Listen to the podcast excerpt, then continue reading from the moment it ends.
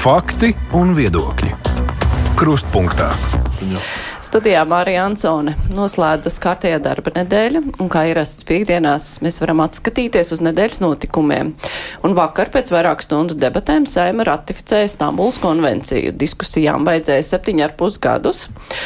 No brīža, kad toreizējais labklājības ministrs dokumentu Latvijas vārdā parakstīja, līdz Saima to ratificēja.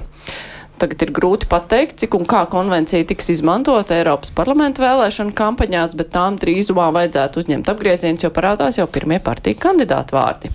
Šodien par to runāsim, tāpat kā par citām aktualitātēm, no kurām viena ir arī iebraukšanas maks jūrmalā, par ko šodien tika pasludināts atversmes tiesas spriedums. Mūsu studijā šodien ir žurnāli ir galvenā redaktora Nelija Ločmēla. Sveika! Sveiciens! Šeit ir arī politologs, neatkarīgais pētnieciskais žurnālists Dāvids Zalāns. Labdien! Sveicināt! Rēmons Rudzāts arī ir žurnālists, neatkarīgais. Pēdējo reizi te redzēju Latvijas televīzijā, nu, bet tu strādā vairākos jā, jā, jā, medijos. Jā, jā, sveiks! Un mans kolēģis Aidis Tomsons ir pievienojies attālināts. Sveiks, Aidi! Sveika, Māra! Par Bet... Stambulas konvenciju Aidis nav dzirdams, kamēr ir mums ieslēgts Ai, mikrofons. Jā. Par Stambulas konvenciju runājot, mēs uh, diskutējām, gan mēs, uh, žurnālisti, rīkojām diskusijas, sabiedrība diskutēja, politiķi diskutēja. Tas viss bija ārkārtīgi sāsināti. Vai tagad būs redzams, nu, cik lielā mērā šis jautājums bija tāds, uh, nu, labs politisks jautājums, kā var politiski sevi parādīt, vai arī tam ir kaut kādas, nu, praktiskā problemātika, kas tagad uh, tiks ieviesta dzīvē vai parādīsies. Respektīvi, nu, cik daudz mums vajadzēja par to pārdzīvot, Nelī, kā tev šķiet? Nu, es tā skatoties sakarus, eh, citu, kad tu teici, pagā, bija saimā pieņēma likumu, mums prasīja septiņus gadus, domāju, ārāds, paldies Dievam, pilnīgi viss septiņus ar pus gadus mēs saimā neesam tikai par to runājuši, bet tomēr mēs esam ļoti daudz laika iztērējuši, nesamērīgi daudz, un īstenībā cīnoties ar bubuli, kas ir uzpūsts mākslīgi un uh, nemaz tajā tekstā nav atrodams. Un, man liekas, tā ir labākā ziņa, ka beidzot šis temats, tāds, tāds zirdziņš, ājam zirdziņš, uz kura tik ērti uzkāpt uh, tradicionālo vērtību, vērtību aizstāvjiem, tas ir noņemts no dienas kārtības, nogājis no trases, un cilvēkiem politikā tomēr būs jā, jā, jāmeklē kaut kas cits reālāks. Bet ir arī sliktā ziņa, jo līdzīgi tāpat kā es nezinu, Šlesers no rīta šorīt ir pamodies tāds pats vīrietis, kāds bija iepriekš, ja? tas, ka konvencija ir pieņemta, nav viņa dzimuma pēkšņi izmainījis maģiski.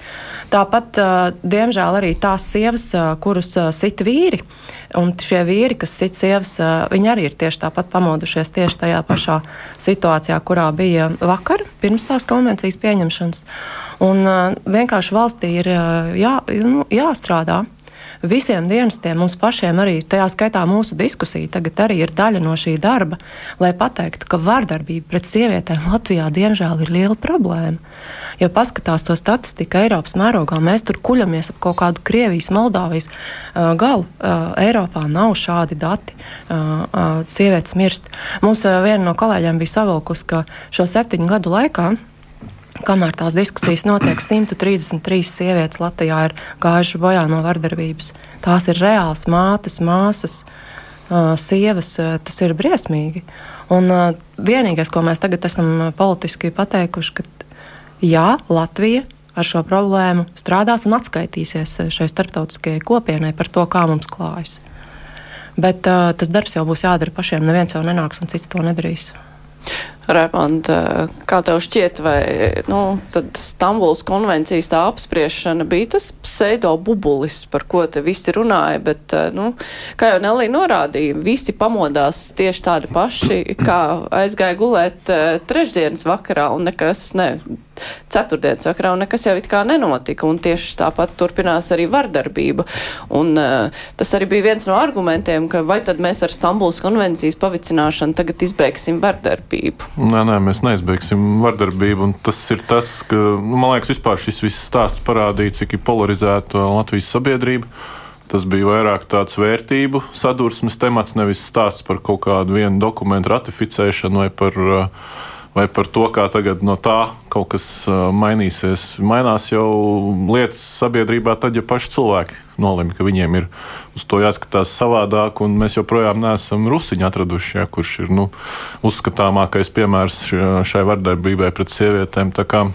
Arī tagad, kad uh, budžets uh, nu, tiek nodots apspriešanā, Nu, es neteiktu, ka mēs redzam tādu milzīgu uzrāvienu iekšlietu sistēmas stiprināšanā un tajā visā jautājumā ja nezinu, kaut vai Ulrichs Auguls ar tādu enerģiju, sev netipisku, kā viņš tur bļaustījās pie Dombūras studijā par Stambulas konvencijas ieviešanas aspektiem un, un interpretācijām, ja viņš ar tādu enerģiju iet aizstāvēt arī kaut kādas labklājības ministrijas budžeta iniciatīvas, tad, tad tas jau būtu kaut kāds solis uz priekšu. Bet es domāju, ka šis viss process parādīja, ka būs jau tikai arī nākamie jautājumi, iespējams, nu, formāli nebūtiskais, kuriem atkal mums būs šī vērtību sadursme.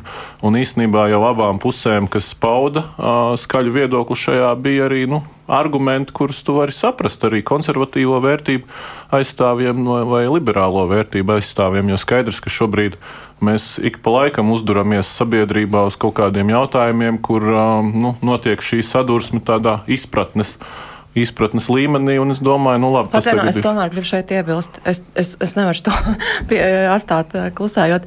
Eh, kas tad ir tās konservatīvās vērtības, par kurām mums bija tā sadursme? Vai tad uh, sieviešu slepkavošana ir konservatīva? Bet tur jau par to neviens jau neiebilda par, par aizstāvību pret sievietēm. Bet, bet tur bija pa visiem konvencijā ir runa par to. Gender jautājumiem. Nu jā, tāpēc ir jāatgriežas pie tā, ja, teiksim, ja šī konvencijas bubuļa radīšana balstās uz to, ka sievietei ir jātur mute un jāklausa vīrs, kā nezinu, daži. Svē... Tāds jau neizskanēs. Jā, tā tādu, arī izskan. Tādu diskusijās jā. nedzirdēju. Tāds tieši tas ir, ja pie, tas ir slavenāko kristiešu arguments, ja, kas ir šajās ne, diskusijās mums, Tas, ko es gribēju pateikt, man liekas, mēs to saprotam līdzīgi, ka tas bubulis jau veidojās tieši tā, nevis no konvencijas teksta, bet no viedokļiem un interpretācijām, kā dažādu vērtību pārstāvju to tekstu lasīja un interpretēja. Un tas neatkarīgi no tā, kāda pēc tam būs jautājumi, es domāju, ka atgriezīsies. Labi, mm, bet, jā, uh, bet mums tas jāde, jādekonstruē. Es atvainojos, ka es vēlreiz par to atgriežos. Tāpēc, ka jābūt precī, precīzai domāšanai. Un tiešām tajā brīdī, kad cilvēki iebilst pret šo konvenciju un stāsta, ka viņi aizstāv konservatīvas vērtības, tās precīzi jādefinē. Bet, nu labi, bet tagad konvencija ir ratificēta. Un principā tad šīm te diskusijām, kuras balstās greizā interpretācijā, vajadzētu izbeigties, Dāvid kā šķiet, nu, tad eh, varbūt tad, eh, tagad par šīm lietām varēs runāt konstruktīvi. Tā tad nav cerība. Uh, nē, nu, Es domāju, es piekrītu jūsu raidījuma līdzvadītājiem, vadītājiem Tomsonam, kurš bija ierakstījis Twitterī par to, ka nu, beidzot šis, tā kā tika teikts, arī bubulis ir beidzies un kaut kas, kaut kas ir noticis, un mēs varbūt varam par to nerunāt un runāt par konkrētām lietām.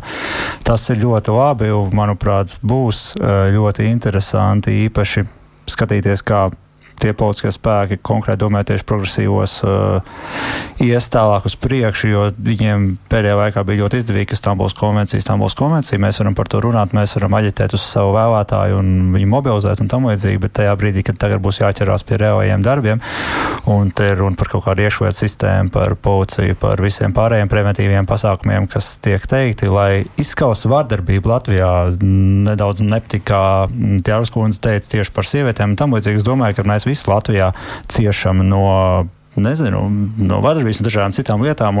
Tas, ka policija un spēku struktūras nu, nav Latvijā augstākajā kvalitātē un nespēja pasargāt cilvēkus gan no vardarbības, gan no nu, dažādiem citiem pārkāpumiem, nenotiek ne izmeklēšana, nekas pietiekamā kvalitātē, nu, tas ir tāds, nezinu. Akmens kaut kādā dārziņā, uz ko nevienam nepatīk skatīties un nevienam nepatīk cilāt. Um, cerēsim, ka nebūs, protams, nekādi tik traģiski notikumi kā pieminētais Rusiņa gadījums, bet skatoties realistiski, ja viņi būs, tad būs jautājums šiem politiskiem spēkiem, jau progresīviem, kur ļoti iestājās par šo Stambulas konvenciju. Nu, konvencija ir pieņemta, bet, ja šādi gadījumi notiek, kur tad mums ir šī problēmas risināšana? Jo problēma, protams, ka pastāv. Jā. Bet es varbūt no savas puses vēl vēlējos piebilst, tīri tā no politikas skatījuma par to pašu pieņemšanas procesu pastāv iespēja, ka, lai gan, protams, ir labi, ka tagad kaut kas ir pavirzījies un kaut kas ir noticis. Uh, pastāv iespēja, ka būtu bijis labi no tāda demokrātijas viedokļa, ja tomēr būtu kaut kāda tauta vairāk bijusi iesaistīta šeit, domājot tieši par referendumiem vai kaut ko tādu, un ņemot vērā, ka daļa sabiedrības uzskata, ka tur ir kaut kāda nozīmīga jautājuma skārti, kas viņiem sāp. Daļa uzskata, ka viss ir kārtībā, bet, nu, lai mazinātu to kaut kādu sašķeltību un lai izdarītu tā, lai visas puses paliek daudz maz apmierināts, ja cilvēki būtu varējuši nobalsot par kaut ko, nu, varbūt tas būtu bijis labāks un tāds labāks ceļš. Bet, bet, lai cilvēki nobalsot, viņiem ir pilnībā jāsaprot, par ko viņi balso, un šajā gadījumā ir bijušas tik daudz dažādas interpretācijas, un eh, politiķi ir izmantojuši Eh, šo dokumentu, lai nu, arī paužot. Eh, nu, Protams. Galīgi aplamas lietas par to, un tad jautājums, vai ir nu, veselīgi tādas lietas, eh, kurās, kuras cilvēki varbūt līdz galam nesaprot, dot nobalsošanā. Lai gan no otras puses, nu, mums jau ir visādas iniciatīvas bijušas, kur tiek vākti paraksti, un nav jau tā, ka būtu milzīga popularitāte šīm iniciatīvām. Cilvēki parakstās, bet nu, tā mēra ne jau pārāk bet daudz. Tas slieksnis jau ļoti augsts tiem referendumiem. Bet, bet arī ar to visu nevar savākt nemaz tik daudz parakstus. Mm. Nē, es domāju, ka nevajadzētu šķirot kādas tēmas, var dot cilvēkiem demokrātiskā sabiedrībā lemt un kādas nē. Nu. Ja šī, Nē, nu varētu tad... to ierosināt. Jā, jā. Bet tā, bet... uh, nesen bija tā aptauja, kurās cilvēki arī paši atzinās, ka viņiem nemaz nav īsti zināšana par to konvenciju. Viņi kaut ko ir dzirdējuši, bet uh, reti kurš vispār ir izlasījis to tekstu. Mm. Tā kā. Nu labi, Aidi. Kā tev šķiet, vai tagad politiķi pateica A, pateiks arī B un ķersies no vārdiem pie darbiem, apņemšanās ir pieņemta cīnīties pret vardarbību ģimenē, vai tas praksē arī tagad būs jāiedzīvina? Nu, vajadzētu jau, bet jautājums, cik veiksmīgi tas varētu notikt. Nu, kaut kādā mērā arī tas mūsu žurnālists jautājums, cik mēs tam sekosim līdzi. Nē, nu, kā šī ir ceļa karte. Nu, konvencija tā ir ceļa karte, pēc kuras tu vadies, un tad tālāk to realizē. Un šajā ceļa kartē mēs paskatāmies Stambulas konvencijā, viņa ir diezgan detalizēta ceļa karte. Tā nav tik ļoti vispārīga. Līdz ar to es domāju, nu nav jau nekāda iemesla to nedarīt. Tur jau arī tas nav nekas tāds, ko nevarētu izdarīt. Tas vienkārši būs jādara, un droši vien jau, ka žurnālists par to runās. Es jau arī, protams, mazliet papildinot to savu sacīto, es nedomāju, ka tā uzreiz viss norimsies. Noteikti būs atkal kāda vardarbības gadījuma, noteikti kāda politiķa sacīs, nu, nu, re, te jau bija, ja konvencija pieņēmāt, kāpēc atkal kas tāds noticis. Es domāju, kādu laiku vēl tas virmos gaisā.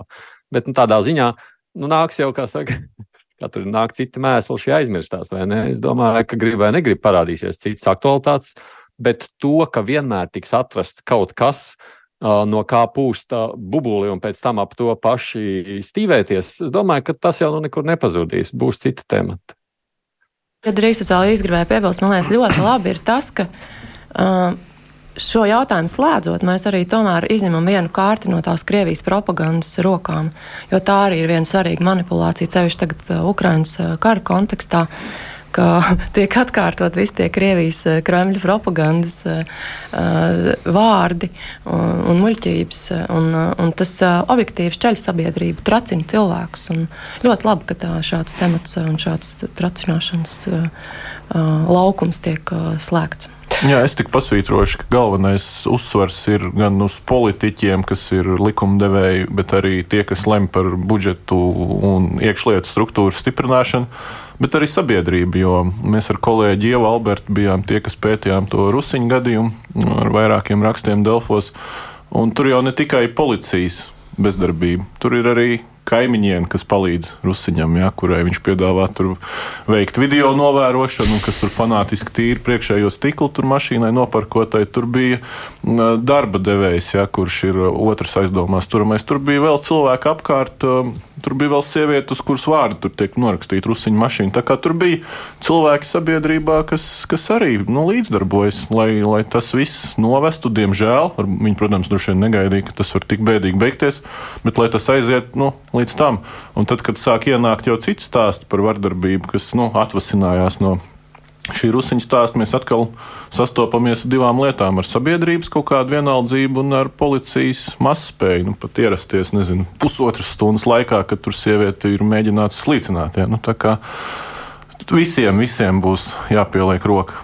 Aidi, tad tā ceļa karte tavuprāt ir pietiekama, lai mainītu arī sabiedrības attieksmi? Jā, bet te jau ir šis, ko droši vien ir jāņem vērā. Nu, tas strīds jau pamatā bija, ja, ko mēs saucām par kaut kādu kultūras vērtību izpratni. Jo, un, un par to, ko tur mācīs skolās, jeb izglītības sistēmā. Un tas līdz ar to nozīmē, ka tas ir jautājums par desmit gadiem, paudzēm maiņu domāšanu. Jo redzi, ko, nu, ko nozīmē tā kultūras vērtība? Protams, ka nav jau stāsts par to, ka mēs uzskatām, ka tā ir tradīcijas izcīva. Es domāju, Latvijā jau šis stāsts nav. Bet šī tradīcija, nu, ka vīrs ir ģimenes galva, sieva ir pavada kūrēji, ja? vīrs gādā par ģimeni, nu, sievai tajā brīdī jādomā par bērniem. Nu, šī tradīcija jau mūsos ir. Ja? Šis ir tas jautājums, par ko mēs patiesībā šeit sašķeļamies. Un, un es īsti nezinu, cik mēs esam. Es domāju, tā mūsu paudze jau vēl nu, tā, kā mēs domājam, tā mēs domājam. Nāks tā jaunā paudze, es ceru, kas mēģinās vairāk. Nu, es jau redzu šobrīd no saviem bērniem. Jaunā paudze jau domā citādāk. Bet tā, nu, kaut kādā mērā tā ir arī paudžu sadursme. Nu, labi, a, jā. Varbūt, Papildini. varbūt vēl viena piebilde, ne tieši par paudzēm, bet par to, kā es redzu šo konvenciju tādā plašākā kontekstā, nevis tieši Latvijas pīrdīķi. Es domāju, ka citās Rietumēropas valstīs, Lielbritānijā, Francijā, tam līdzīgi, kur ir liels šīs imigrantu kopienas, tā skaitā no musulmaņu zemēm, kur ir šīs tradīcijas ar vardarbību vērsts pret vienu konkrētu dzimumu šāda konvencija tiešām ir ļoti svarīga un kas ir tieši iemesls, kāpēc viņa radās. Šie rietumvalstu politiķi ietekmē un tika, kāpēc viņi tika pieņemti Stambulā. Uh, šobrīd, kad mēs vēlamies iekļauties, vēl vairāk piekļauties attīstīt to rietumvalstu pulciņiem, protams, ka mēs esam ieinteresēti no tāda politiskā ārpolitikas viedokļa iekļauties šajā pulciņā, pieņemt tā skatā šo dokumentu. No tāda skatu punkta, jā, bet mēs, protams, nedrīkstam aizmirst par savām interesēm, kā valstī, īpaši ņemot vērā, ka mums šādas mm, relatīvi agresīvas imigrantu kopienas, kuras regulāri veic noziegumus, nav.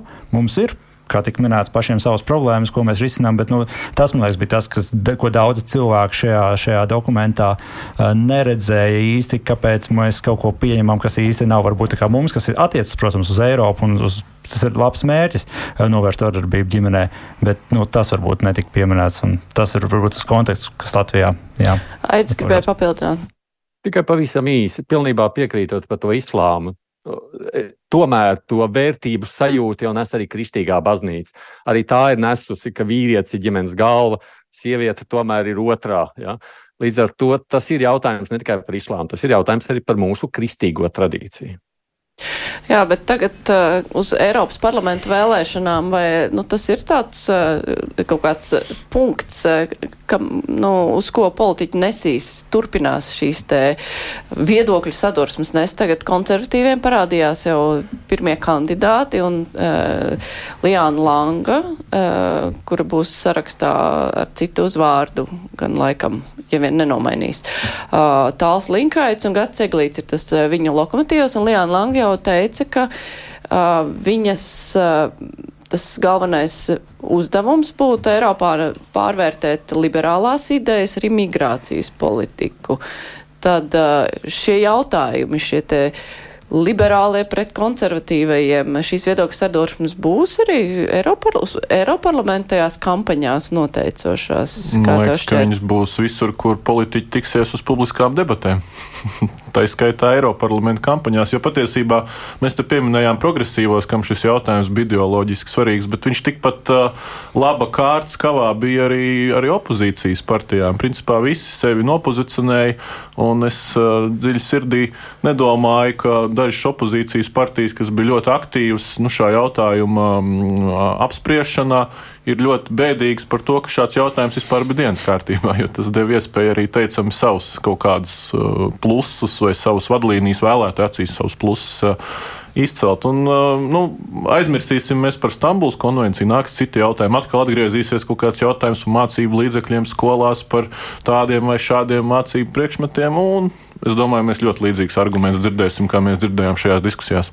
Ne, bet, nu, ja mēs paskatāmies uz iepriekšējām Eiropas parlamentu vēlēšanām, tur parasti tie akcenti kampaņās bija, nu, tur, kā, kurš runāja par lauksaimniecības politiku, nu, tādas ļoti praktiskas lietas, tur Eiropas naudas izmantošana, Latvija izdevīgākā pozīcijā. Tas bija, nu, bija tāds. kampaņa, kur bija sieviete, kur reklamēja, ka cilvēks ir pats svarīgākais. Jā, bija tā, jā, tā bija arī Grigula, tādas jā, bija. Bet uh, tagad uh, Eiropas Savienībā. Uh, Arī pie mums vispār pasaulē ļoti mainījusies situācija. Ukrainā ir karš, Eiropas Savienībai ir jāpalīdz. Uh, tas, kas notiek tuvajos austrumos, migrācijas politika, tas viss ir ļoti, ļoti izmainījis arī akcentus, kas mums ir svarīgi. Tas kampaņās, kā tas parādīsies kampaņās, kā tev šķiet, Nelī? Es piekrītu, ka tiešām ir paredzams tas, tas liberālais versus konservatīvais uh, triggers. Um, nezinu, kaut arī Nīderlandes uh, vēlēšanas, uh, vēlēšana rezultāts arī to pierāda, ka ir, ir reāls dusmas cilvēkiem. Uh, un tas ka, tas, ka tie politiķi, populisti nespēja piedāvāt īstus risinājumus, tas jau viņiem neliec par to runāt un vienkārši kā tvaiku nolaišanai izmantot šos balsojumus. Vienīgais, ko es vēl domāju, ir, ir nozīmīgi atcerēties, Eiropas parlamenta vēlēšanās tomēr tas ir balsojums par personībām. Daudz lielākā mērā nekā, nekā citos gadījumos, jo vienkārši mums ir tik maz to deputātu, ko ko to Eiropas parlamentu sūtīt. Tad cit, tomēr partijas programmai, partijas sarakstam ir loma, bet tad tu tālāk domā, oh, kurš, kurš ir tas, kur es, par kuru es gribētu balsot. Un tur tādām spēcīgākām personībām, kas jau tajos konfliktos un diskusijās un visur ir izgaismojušās, nu, tur ir priekšrocības. Nu, teiksim, tāda Liana Lange ir vienkārši ļoti dzirdams cilvēks, vai ne? Viņai ir viedoklis par jebko, un viņa komentē. Un es domāju, ka tā, protams, ir priekšrocība, ka kandidāts ir tāds, kā saka, full-time diskutētājs. un, Nu, redzēsim. Es domāju, ka tas varētu būt arī situatīvi. Tieši kādus jautājumus apspriedīs. Nu, vēl ir pusgads atlicis. Varbūt mēs nezinām, vai mēs iepriekš varējām zināt, ka viss brīvais mikrofons būs jāvelta kariņa lidojumiem. Mēs vienkārši nezinājām, ka ir tie lidojumi. Ja? Varbūt šeit šajos mēnešos vēl var nākt tādas lietas, par kurām mēs nebijām iedomājušies. Savā ziņā arī ļoti svarīgi, kas tālāk ar Ukraiņas karu notiks ar Krievijas karu Ukrainā, vai, vai tur būs kaut kāds pozitīvs tomēr nezinu, gaismu tuneļa galā, jo tas ir īstenībā, es domāju, Eiropas ļoti uh, izšķirošs jautājums. Vai Eiropa var apturēt uh, Krievijas agresiju, rietumi var apturēt Krievijas agresiju? Un es domāju, ka tas ir tāds fundamentāls uh, politikas jautājums. Kas būs, Redzēs. uh, jā, Dāvid, kas tad būs uh, tie galvenie akcenti, uz ko šoreiz uh, tie, kuri gribēs nokļūt Eiropa parlamentā, spēlēs? Man grūti pateikt, kas būs galvenā akcents. Es domāju, tas ir atkarīgs no kādas partijas, bet es varbūt varētu vērst eh, to diskusiju par Eiropas parlamentu nedaudz citā gultnē, ja drīkst. Uh, mans jautājums, uh, redzot, zinot, ka šeit ir sanākuši ļoti um, zinošana un izpratne cilvēku par Eiropas parlamentu, par vispār Eiropas komisijas un vispār Eiropas institūciju darbību. Uh, mums Latvijā ir bijušas jau vairākas reizes šīs Eiropas parlamentu vēlēšanas. Mēs esam gājuši cauri šim procesam, esam ievēlējuši deputātus un tam līdzīgi arī šobrīd tur sēž astoņi cilvēki no Latvijas. Uh, vai kas sēž gadus? Ja? Vai klāts no klātesošajiem var nosaukt jebkuram no Eiropas parlamenta Latvijas deputātiem kaut kādus trīs nozīmīgus darbus, ko viņi ir izdarījuši Latvijas labā, ko mēs varam just kaut kādu, kaut kādu rezultātu par jebkuru. Bet tas jau ir tas sarežģītais jautājums arī, tas ar ko mēs varam vērtējot arī saimu, uzdot, piemēram. Lai, nē, nē, šo jautājumu uzdodu, lai tā kā vērstu uzmanību uz šo vēlēšanu nozīmību, tā skaitā nozīmību vidējam vēlētājam. Kāpēc? Tāpēc, ka, piemēram, pasmies tīri vēsturiski, nezinu, kaut kādos 80. un 90. gados, ko Rietumvalsts Lielbritānija tam līdzīgi sūtīja uz Eiropas parlamentu, viņi sūtīja deputātus, kuri cilvēkus, politiķus, kuri vienkārši bija apnikuši. Politiķus, kuriem īsti nebija vieta tur Lielbritānijas vai, vai Francijas politikā, tajā laikā, nu, labi, aizsūtīsim tevi uz Eiropu, lai tu mums lietas mieru. Tas bija reāli process, kāds tā notika. Cilvēks, no kuriem bija vieglāk tikt vaļā, viņus aizsūtot kaut kur projām, lai viņi nejauc gaisu vietējiem politiķiem. Mans jautājums ir tāds, ja, piemēram, personīgi es, nevar, es varbūt neesmu lielākais eksperts, bet es redzu, ka šeit ir tiešām zinoši cilvēki. Un, ja ir grūti nosaukt trīs būtiskus, svarīgus darbus daudzu gadu laikā, ko šis deputāts ir izdarījis. Un, ja es ieeju, piemēram, Iepa kunga mājaslapā, kas ir, manuprāt, ļoti cienījams uh, filozofijas fakultātes beidzējs, uh, un lielākais jaunums tur ir no, jaunākais jaunums ir no 2021. gada, un šobrīd ir 23. gada beigas. Mani rada aptuveni, rodas aptuveni tā sajūta par šo vēlēšanu nozīmību gan pašiem deputātiem, gan vēlētājiem. Tas ir jautājums par aktualitātēm. Kas būs tie jautājumi? Noteikti katra partija izvirzīs kaut kādus jautājumus, bet par to lielo būtību ceru, ka iedod kontekstu.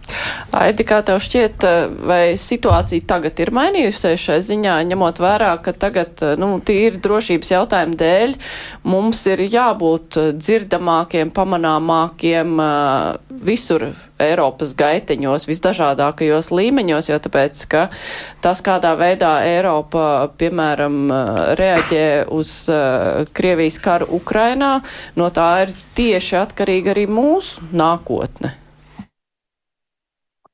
Nu, ja drīkst, es tā pavisam īsi arī uz Dāvidu sacītu atbildot, sakot, nu, pieņemsim vienu no lietām, ko pēdējo ievas darīja, bija saistīts ar mākslīgā intelekta regulēšanu. Bet, redziet, tas jautājums jau ir tāds, ka Eiropas parlamentā jau viena personība nav tā, kas tur spēlē to lielo lomu, tīpaši ņemot vērā Eiropas parlamenta lielumu. Tā kā, nu, tas jautājums varbūt nemaz tā nav uzdodams. Lielā mērā akcenti nemainīsies. Es domāju, ka Krievijas jautājums, ja prokrievisks vai neprokrievisks, jau bija arī iepriekšējās vēlēšanās, un tas īstenībā vispār ļoti iezīmējas visas mūsu vēlēšanas. Migrācijas tematika jau parādījās ļoti aktuāli iepriekšējo Eiropas parlamenta vēlēšanu laikā, un, protams, arī visi šie finansiāli izaicinājumi nekur nepazudīs. Vienkārši iespējams, ka būs kādi jauni akcenti, kam katrs pievērš lielāku uzmanību. Drīzāk mēs esam kļuvuši kategoriskāki, bet paši akcenti, es domāju, kā tādi jau turpat vien esam. Kā tas ietekmēs valdību gal galā? Es eh, vakarē mums bija Armāns Kraus studijā, viņš teica, jā, viņš kandidēs uz Eiropas parlamentu, un vēl kādi ministri kandidēs. Krišāns Kariņš arī, nu vai nu tur uz NATO ģenerālsekretāra amatu vai uz Eirokomisāra amatu. Nu tāda sajūta, ka darbs valdībā nemaz nav tik svarīgs, ka visi īstenībā grib tur nonākt remontētas? Nu, tur labāk maksā, tur ir uh, mazāks publiskais spiediens, ko kolēģis ļoti labi atzīmē, jo mēs tiešām nu, pavirši sekojam līdz tam, ko mūsu deputāti dara Eiroparlamentā. Mēs paskatāmies vēlētāju aktivitātes rādītājus, kādi bijuši Eiropas parlamentu vēlēšanās. Es pieļauju, ka tagad varētu mazliet viņi kāpt uz augšu, varbūt sabiedrība mobilizēsies, bet tā, tā virzība jau uz turieni ir skaidra, nu, tāda personīgo tīru labumu dēļ. Es gan aizdomājos par to, ko te vaicāju, vai mēs varam nosaukt darbus. Es sāku domāt, vai es varētu nosaukt nu, kādam deputātam piekarināms darbs arī saimnes kontekstā. Tad man Nē, nu, vismaz saimā nu, mēs varam nosaukt par partijām. Tā kā nu, jūs teicāt, kādam interesē Stambuls konvencija, jūs varat nosaukt Stambuls konvenciju, kādam interesē varbūt vēl konkrētām partijām. Man nāca prātā, bija mums viens diriģents, nomainīja vairākas partijas saimā, bet man liekas, pat no opozīcijas viņš izdzina cauri, ka valsts himns tiek status nostiprināts kādā tonalitātē, publiski nu, jāizpild. Tā kā reizēm, reizēm var kaut ko izdarīt iemesls, kāpēc vajadzīga mūziķa saimā. Jā, bet nelī, kā tev šķiet, nu, tiksim, tā valdība tas kaut kādā veidā paplicinās, vai arī, nu, vienkārši, nu, viens ministrs aizies uz Eiropas parlamentu, paņems citu ministru. Teiksim, Jā, kā kā vērtēt to attieksmi pret mūsu valdību? Tā nav problēma. nav tik traki, ka trūkst ministru, man liekas. Es nezinu, es domāju, ka Es īsti nedomāju, ka, tā, tā, ka tas, tas, tas Eiropas parlaments būtu vietas, kur uzsū, aizsūtīt cilvēkus, kur ir apnikuši. Nu. Nē, bet tas vienkārši gribu visu. Jā, tas ir pareizais, kā to darīt, bet nu, jā, tā bija nu, vienkārši tas ir jā. tāds posms karjerā, kad, jo, jo man liekas, ka tur ir divas lietas. Viens ir, ka tu vienkārši tur sēdi un saņem lielu algu, jā, un principā var neko nedarīt, bet otrs ir jau tomēr uh, politiķi, kuri ieņem komisāra amatus, kuri atrodas citos ietekmīgos posteņos. Nu, teiksim, Valds Dombrovskis eh, ir vice komisijas vicepriekšsēdētājs, ja, vai kā to precīzi sauc. Eh, tas ir ļoti ietekmīgs amats eh, nelielai valstī, kāda ir Latvija. Tāpēc, tāpēc tā automātiski to visu norakstīja. Vai arī, piemēram, ja tu esi lielākajā partiju grupā, ja, kurai, kurai ir vairāk balsu, ja tu spēj komisijā vai arī kādā konkrētā jautājumā vadīt, es atceros toreiz Kariņš arī pats bija saistībā ar liekas, kaut kādu banku jautājumu. Tas viens no, viens no lobētājiem. Uh, Atceros, viens no labām lietām, ko Eiropas parlaments izdarīja, pieņemt tos ierobežojumus, ka nevar to mobilo tele, telefonu cenu, nu, tos sakaru cenas. Tas, tas tiek teikts kā viens no Latvijas vispār arī ierēģņu sasniegumiem. Tas ir ļoti labi. Laikā, jā. un, un tāpat ir jau arī vēl kaut kādas citas lietas, kur, kur varētu skatīties. Bet jāatcerās, ka Eiropas Savienība tomēr ir neatkarīga valsts savienība. Nu, mums katrs, mēs katrs arī veidojam šeit savu politiku. Un, un Eiropas parlaments ir vienkārši viena daļa no visas tās puzles. Ja tas jau nav pats galva, galvenā institūcija, kur no, nosaka mums visu dzīves kārtību.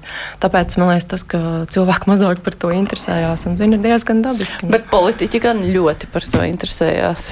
Grib tur nokļūt. Liela jā, konkurence. Jā.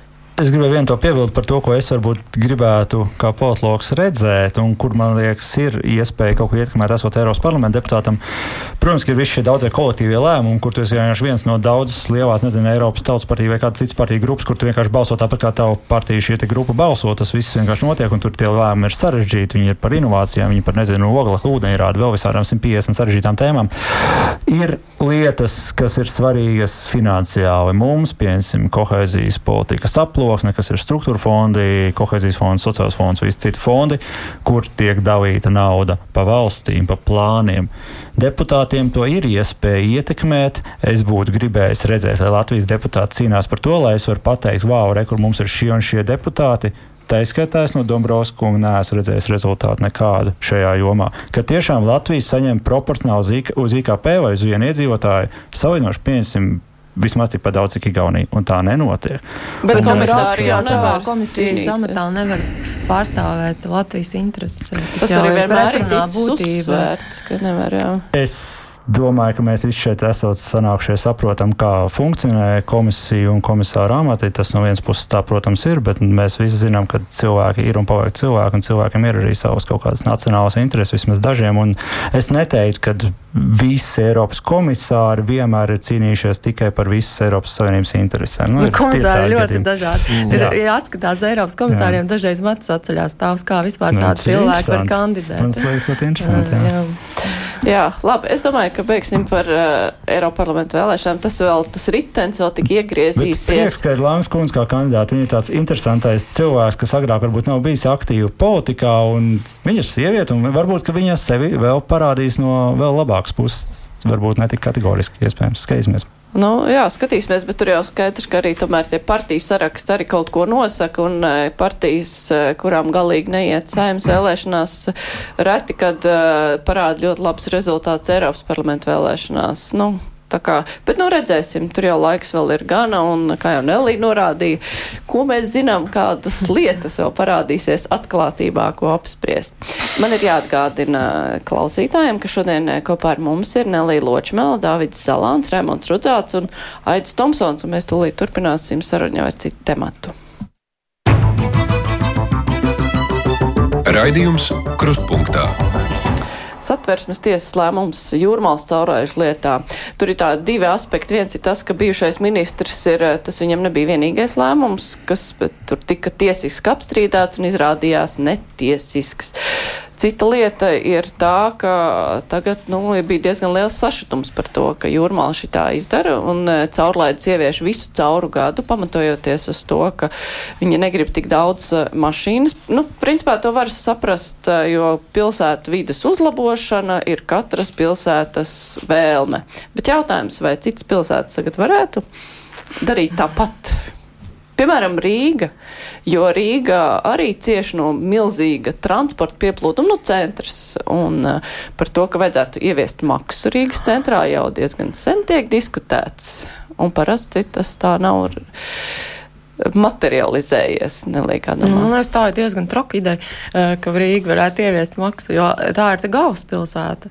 Galvaspilsētā ir visādi pakalpojumi cilvēkiem, kam jābūt pieejamiem. Liekas, tā būtu. Nu, liekas... pašā centrā nav nemaz tik daudz, ja tā padomā. Nu, varbūt, jā. jo, tā, nu, Cik daudz kāds brauc uz ministriju, piemēram? Nu, maz droši vien, jā, jā, bet vairāk kā princips. Es domāju, ja tu, piemēram, gribētu nokļūt piketā pie saimes un tev par to ir jāmaksā, varbūt Saimos ar mašīnu tāpat nevar braukt. Nē, nē, centrā, nu tā kā tev jā, vai, vai arī tev, nu, vienkārši kā arguments, varbūt tur var uzbūvēt. Bet uh, es, es uh, neesmu, man nav bijis laika izlasīt to satversmes tiesas spriedumu, tāpēc pašu to es ne, nevaru komentēt, kādi tur tie argumenti. Bet es varu pateikt no savas puses, es, uh, kāpēc man nepatīk šī doma, ka jūrmala var iekasēt to naudu. Jūrmala ir viena no tām pašvaldībām, kas visu laiku sistemātiski ir visādos korupcijas un citos skandālos, kur nauda tiek izšķērdēta, deputātu balsts tiek pirktas, visu laiku ir viens pēc otra kaut kāds nu, šmucis. Un es tādai jūrmālas domai vispār neuzticētu nevienu lieku santīmu. Uh, un kur nu vēl tad vēl pēkšņi vēl šāds te dāvana, ka ne tikai vasaras tajos mēnešos, bet arī visu gadu var iekasēt. Tāpēc man tas uh, nepatīk. Protams, man kā cilvēkam, kas gribētu aizbraukt uz jūrmālu, arī nepatīk, jāmaksā. bet nu, tas ir tāds, tas, nu, kuram tad vienkārši patīk maksāt vairāk. Tā, tas viss visiem saprotams. Bet uh, tieši tas, ka jūrmāla ir ļoti interesanta vieta, kurā ir īstenībā. Tik ļoti geogrāfiski iz, iz, izkaisīta, tik ļoti sašķelta, tīri sabiedrības tās struktūras ziņā, un tur vienmēr tik ļoti izšķīts tas, tas balsojums. Un, jā, tas man liekas skumjš piemērs, kur, kur cilvēki ar tik sliktu reputāciju var tik un tā joprojām iegūt uh, varu. Uh, vienkārši tāpēc, ka tur nav tādas nopietnas uh, konkurences. Un, jā, es nedotu nevienu lieku santīmu. Remontu dotu. Es kaut kā baigi bieži nonāku šajā raidījumā, kad par jūrmā mēs runājam.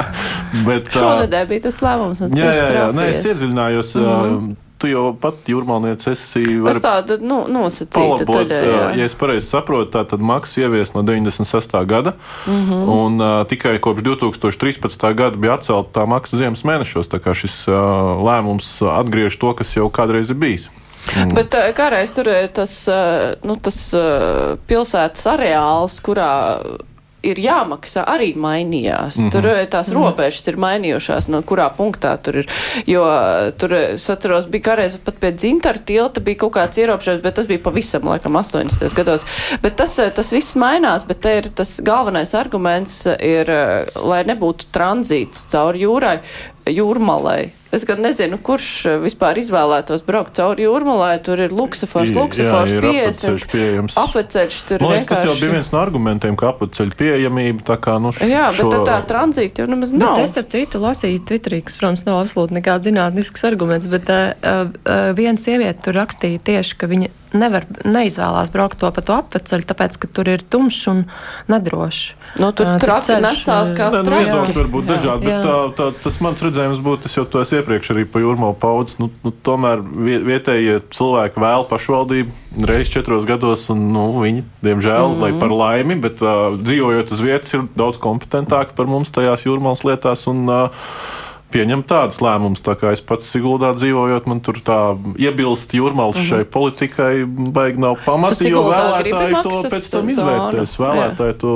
to, to izvērtēs. Man ar, uz jūrmālu aizbraucot ik pa laikam, liekas, liels pluss tajā, ka tur ir bezmaksas stāvvietas. Nu, tu samaksā piebraukšanu, bet pēc tam tu vari brīvi atstāt mašīnu, kas, ja mēs tur griezt atkal to ratu otrādi, man pat reizēm liekas, ka tās stāvvietas varētu arī tev dārgāk izmaksāt nekā tur tā nu, iebraukšanas maksa, kas tagad būtu 3 eiro. Tā kā, nu, kopumā man liekas, tas ir vietējiem pašiem jā, jāvērtē. Viņi arī vērtēs, arī tie, tur, tur bija starp citu argumentācija par kaut kādiem arī ekonomiskiem pienesumiem tieši budžetam no šīm maksu pacelšanām. Nu, noteikti jau šo jautājumu jūrmāla pēc tam vērtēs ar iedzīvotāju, tā pakasīs pieru un pajautās vietvarē. Es ceru, nu, ko tad mēs ieguvām no tā visa. Jā, nu, jūrmālas vēlētāji ļoti dažādi un dzīvo dažādos apstākļos ļoti.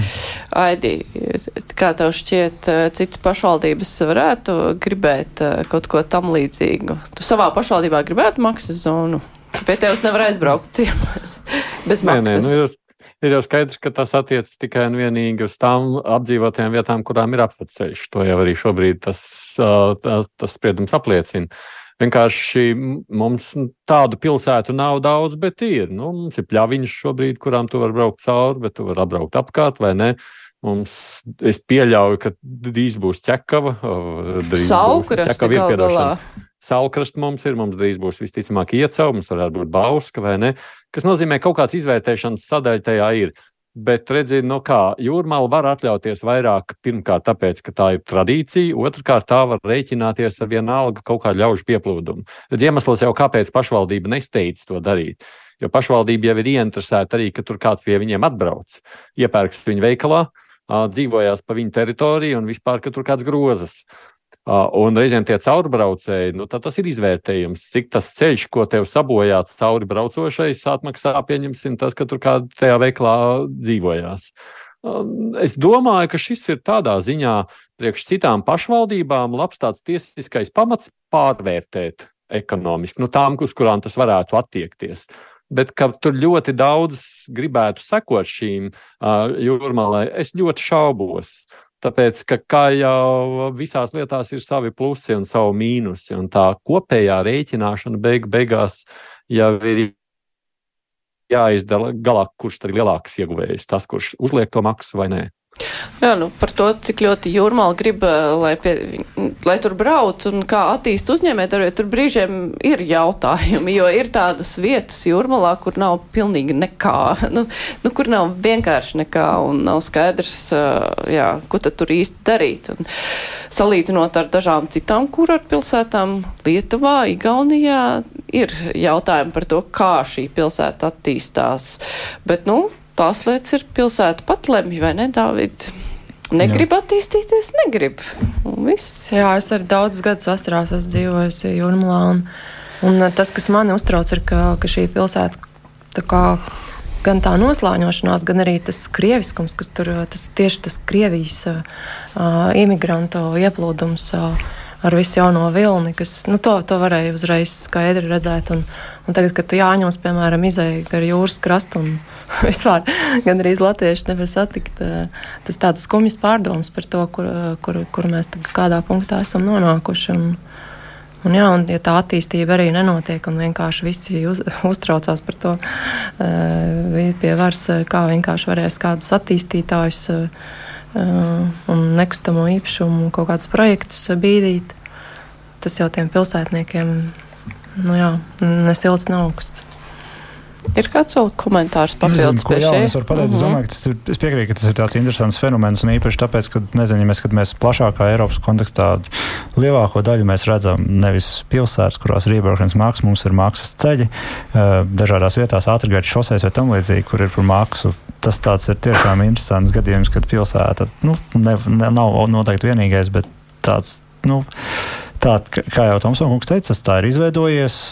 Kādu laiku tas noteikti atmaksājās jūrmalai, vai cik ilgu laiku vēl atmaksāsies un kā tas viss būs. Nu, lai jūrmalai paši lemjas par to piekrīt. Mm. Tās ir viņa intereses. Um, ja viņiem liekas, tā ir pareizāk, labi. Lai mēģina, bet arī labi, ko Ločmāns kundze teica par to politisko spektru, par tiem cilvēkiem, kuri lemj, ka šis spektrs ir uh, tāds, kāds viņš ir. Un, uh, jautājums pašiem jūrmāniekiem, lai viņi tad ievēlē sev pietiekami kompetents cilvēks, kur ar to naudu rīkojas godprātīgi. Tas tāds cēlais mērķis. Starp citu, izdevīgi tagad, tā, ja, tu, ja, tu, ja tu brauc ar to kopbraukšanas uh, mašīnām, mm. tad tev par to nav jāuztraucās, vai ne? Jo tas mm. jau viss cenā iekļauts, mm. tad tu vienkārši brauc mierīgi. Ne? Jā, to vajag salikt kopā. Jo, kas vēl ir slikta lieta uz jūrmālu, sabiedriskais transports īstenībā ir ļoti bēdīgi. Vilcieni ir piebāsti, autobusu Jā. lāgā nav. Tur var kaut kādu talsu autobusu aizbraukt vai liepājas, bet arī tas nav risinājums. Mikroautobus ir, kur varbūt tiks iekšā, varbūt netiks. Vilciens to... būtu ļoti labs un ērts un uh, izdevīgs, bet jā. Bet, ja būtu... vilciens neiet un ir pilns, ir jābrauc ar Vivi. Ar Vivi jāatcerēsim, ka Vivi brauks uh, biežāk uz Jurmalu nekā nu, skatīties, kā mācas ar, bērnu ratiņiem vai vecie pensionāri, tad cenšas alpīnismā tā kā trenēties, ierāpjoties tajos vagonos. Tas arī diezgan baiss skats. Tas ir briesmīgs skats. Vienu mm. tematu gribēju vēl paspēt izrunāt uh, par uh, olimpiskajām spēlēm vai nu, šo pagājušo nedēļu mēs cerējām, nu, kurš cerēja, kurš ne, kas bija kopā ar Zviedriju, Latviju varēs organizēt Olimpiskās spēles. Mums tomēr ir tāda kamaniņa trase. Ja es pareizi to nosaucu. Bet uh, šonadēļ mēs uzzinājām, ka nebūs nekā. Vai mums ir jābēdājas? Jo Nē. tās ir briesmīgas izmaksas. Taču. Nē, mums jāpriecājas. Viedoklis. Jā, nē, es jau esmu iepriekš publiski teicis, man ir mm. divējādas. Man ir siguldiešu skats, un tad ir skats no Latvijas pilsoņu pozīcijām. Kā siguldietim droši vien jābēdājas, jo mēs kā pilsēta um, ekonomiski iegūstam no tās trases, un ja tagad būtu olimpiāda, tad būtu jāiegulda liela nauda, lai šo trasi padarītu modernāku un atbilstošu olimpiskiem standartiem, un pēc tam mēs iegūtu no tā, kā pilsēta vēl vairāk par to no šaubu. Ja par valsts kopīgām interesēm tas bija absurds. Nu, vienkārši tur uh, izmest tādu naudu pie visām mūsu šā brīža problēmām, un tur būtu savākusies sešcipara, kāda sešcipara, deviņcipara summa. Ja? Pie, pie problēmām, ko mēs runājām, pa iekšlietu sistēmas, pedagoģa atalgojums, veselības aprūpe, enerģētika, so, sociālajie jautājumi, bet mēs gribam rīkot olimpiādu. Ja? Nu, tas ir labi, ka, ka šis lēmums nebija jāpieņem politiķiem. Es teikšu tāda veids, ka politiskajos kulāros jau pašā sākumā tam bija tāda nu, jūtama diezgan liela interese Dainis Dukurs, bijušais trases direktors, pat publiski intervijās teica, ka jau laikā, kad viņš objektu vadīja būvnieku karteļa elpu, viņš tur juta ļoti par daudz mazākām investīcijām, kas nebija 58 miljoni. Jau tad jau nāca cilvēki un, un teica, kā būtu jābūt. Ja? Tā kā arī, arī šie politikai pietuvināti ekonomiskie grupējumi, protams, ka berzēja rokas ap, ap šo iespēju ka varētu būt olimpiāda jārīko, bet no valsts interešu viedokļa mēs absolūti neko, neko nezaudējam. Mēs tikai iegūstam. Jo nu, tie sporta veidi, kas tur ir pārstāvēti, to arī Dukurkungs jau teica publiski. Nu, Ja tur pasaules kausā Ķīnā, ja jaunākajā trasē pasaulē uz startu vīriešiem 11 ekipāžu, bobslijā sievietēm neviena, ja, nu, tad tas parāda arī kaut kādu mērogu tam, tam visam. Ja mēs ieguldītu tur, nezinu, vairākus desmitus miljonus vienā sporta objektā, kur, kuru disciplīnas pārskatāmā nākotnē var vispār izkrist no Olimpiskās programmas, nu, ko arī Dukurkungs atzīmēja. Uh, tā būtu briesmīga investīcija. Man ienāca prātā bija tā filma par Eirovīziju, kur bija laikam Islande, kur arī gribēja piedalīties Eirovīzijā, bet tas galvenais rīkotājs saprata, ka ja uzvarēs Eirovīzijā un nāksies rīkot, tad valsts bankrotēs, un tāpēc viņi tur visiem spēkiem cīnījās, lai tikai neuzvar. Aidi, bet, Kā tev šķiet, nu, kāpēc mēs vispār iesaistamies kaut kādās tādās lietās, nu, kuras mēs īsti nevaram pavilkt? Kas tas tāds ir? Mm, jā, nu, man nezinu, kā tas ir tāds prestižs jautājums droši vien kaut kādā mērā, bet es patiesībā Nu, ja nu es kādam uzticos, kurš kaut ko saka, tad reizē Raimondā es jā, ieklausos ļoti, ļoti. Es domāju, ja nu kāds zina labāk, tad ne, es noteikti labāk par to nezinu. Es priecājos, ka viņš saka, ka mēs esam, ka mēs neesam tur uzvarējuši un esam izkrituši no šīs aprits ar luju un pie tādi palieku. Nu, visādi citādi ir jau skaisti, protams, justies kaut ko par kaut ko lepni, un tas ir labi, un sports jau vienmēr tādas emocijas raisa mūsos. Bet nu, mēs jau arī saprotam, ka viena lieta ir emocijas sportā, un otra lieta ir tad, kad tev ir vajadzīgs domāt par visām pārējām valsts problēmām. Un es tiešām domāju, ka Rail Baltica uzbūvēšana būs krietni svarīgāks jautājums par Olimpiādas, Olimpisko spēļu rīkošanu.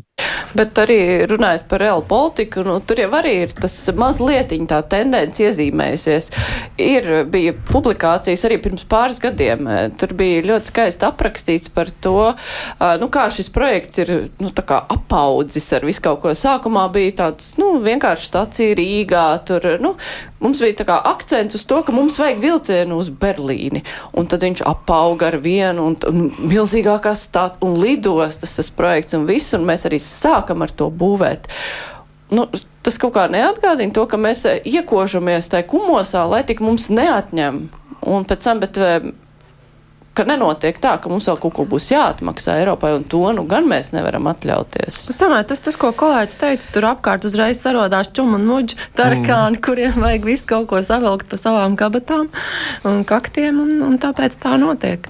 Uh, jā, es, es arī neesmu, es īstenībā neesmu tāds uh, sportā tik uh, zinošs, bet man arī ir tāds atvieglojums par to, ka, uf, paldies Dievam, nebūs jā, jādomā par šo tematu. Mums tieši redakcijas sapulce arī vienā bija doma, vai mums jāpievēršās tam, es saku, pagaidīsim, varbūt varbūt tas jautājums atkritīs.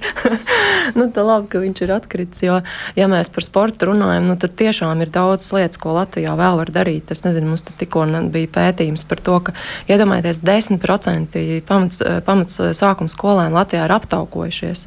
Viena no lietām ir, protams, pārtika, bet otra lieta ir arī kustīgums un sports. Un, uh, daudzās vietās, pašvaldībās, skolās sporta zāles bērniem nav pieejams visu laiku. Kā, nu, tikai nevis sporta stundās vai pulciņos, bet nu, tā ir infrastruktūra, kur varētu iet un trenēties un visu laiku būt vaļā. Nu, kāpēc par to nevarētu maksāt? Vai es nezinu, tiešām futbolā trenēties vai, vai kaut kādās citās lietās, kas nav tik dārgas, bet pieejams pilnīgi katram.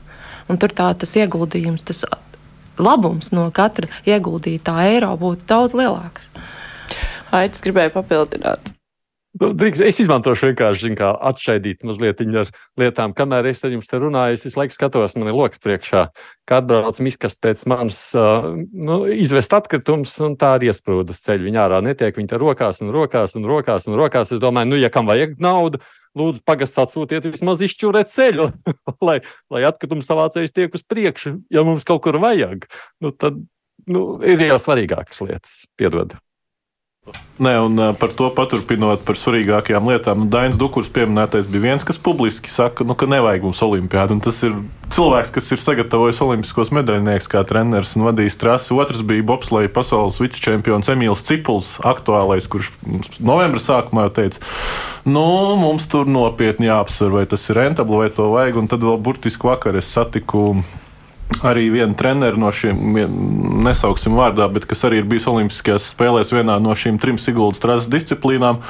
Un viņš teica arī man tā, viņš teica, nu, es esmu Renes sporta cilvēks, bet, nu, jāatzīst, nu, labāk uzbūvējam par to naudu vai nu jauns stadions bērniem vai, vai, vai, vai vieglietīgs manēžs. Un, nu, pat viņš bija atvieglots, ka šis viss ir nokritis no, no dienas kārtības. Un tad ir jautājums par to, kā mēs vispār šajā lēmumu pieņemšanā nonākam, kas redzēja raidījums nekā personīgi uzskatām, parādīja, nu, cik gatavi tam bija ministri Čakša un Ašerādens pilnīgi visu ķermeņa valodu, kad viņi prasa, nu, mums vēl līdz mēneša beigām laiks. Parēķināsim vispār, cik tas maksā, vai mums ir nauda. Finanšu ministrijai vēl līdz novembra vidum neviens pat nav pavaicājis, vai mums ir nauda. Nu, tas parādīja, cik amizanta var būt tik nopietnu lēmumu pieņemšana Latvijā. Un labi, ka starptautiskie šoreiz šo jautājumu noņēma no dienas kārtības mūsu vietā. Jā, jā Dāvid, ir kāda īsta piebilde? Piekrīt pilnīgi visam runātājiem. ļoti, ļoti. Jā, un daudz ir arī žurnālā ir, kur nav jārakstas raksts jā, paldies, varam kaut ko vērtīgāk darīt, jā, iztērēt jā. laiku un enerģiju. Jā, bet uh, vairāk šo, nevienu tematu mēs arī nevaram izvērst, un es domāju, ka mēs arī tikām ar kaut kādām svarīgākajām šīs nedēļas lietām. Tad es varu mazliet izstāstīt, pirms saku jums paldies par rītdienas laikmetu krustpunktā, kur būs saruna ar Tālau Junz, un tur arī es domāju, ka būs skarts lietas, par kurām mēs šobrīd runājām, jo tur runās arī par drošības situāciju, kas ir ļoti trausla, jo Eiropa sāk nogurt no kara Ukrainā. Tā kā, Nu, tas gan nebūs vienīgais temats. Izrādās, ka viņš ir pieņēmis savulaik darbā arī Edgars Rinkēvičs. Tā kā rīt mm -hmm. iesaka arī visiem jums klausīties laikmeta krustpunktā. Šodien es teikšu paldies Remonds Rudzāts. Uh, Latvijas televīzijas žurnālists tā pieteikšu tevi. Jā. Politologs un neatkarīgais žurnālists Dāvids Zalāns. Paldies. Paldies uh, Nelī Ločmela no žurnāla ir galvenā redaktora un bija arī mans kolēģis Aidis Tomsons, kurš jau pazuda, laikam palīdz izšķūrēt uh, to, kur bija iesprots viņa ielā. Sabiedrisko jautājumu risināšanu. Un savukārt mūsu pirmdienas lielā intervija būs ar šeit vienreiz pieminēto Ivaru Ījabu, Eiropas parlamenta deputātu. Tā kā mēs runāsim arī par nu, tām Eiropai svarīgajām lietām un noteikti arī par to, vai mums ir vispār ko pieminēt kā labos darbus Eiropa parlamenta deputātiem vai nav. Tā kā būs, es ceru, interesanta saruna. Bet kruspunktā ar to arī izskan producente raidījumam Ieva Zēza. Studijā bija Mārija Ansone. Visu labu, mēs tiekamies arī pirmdien.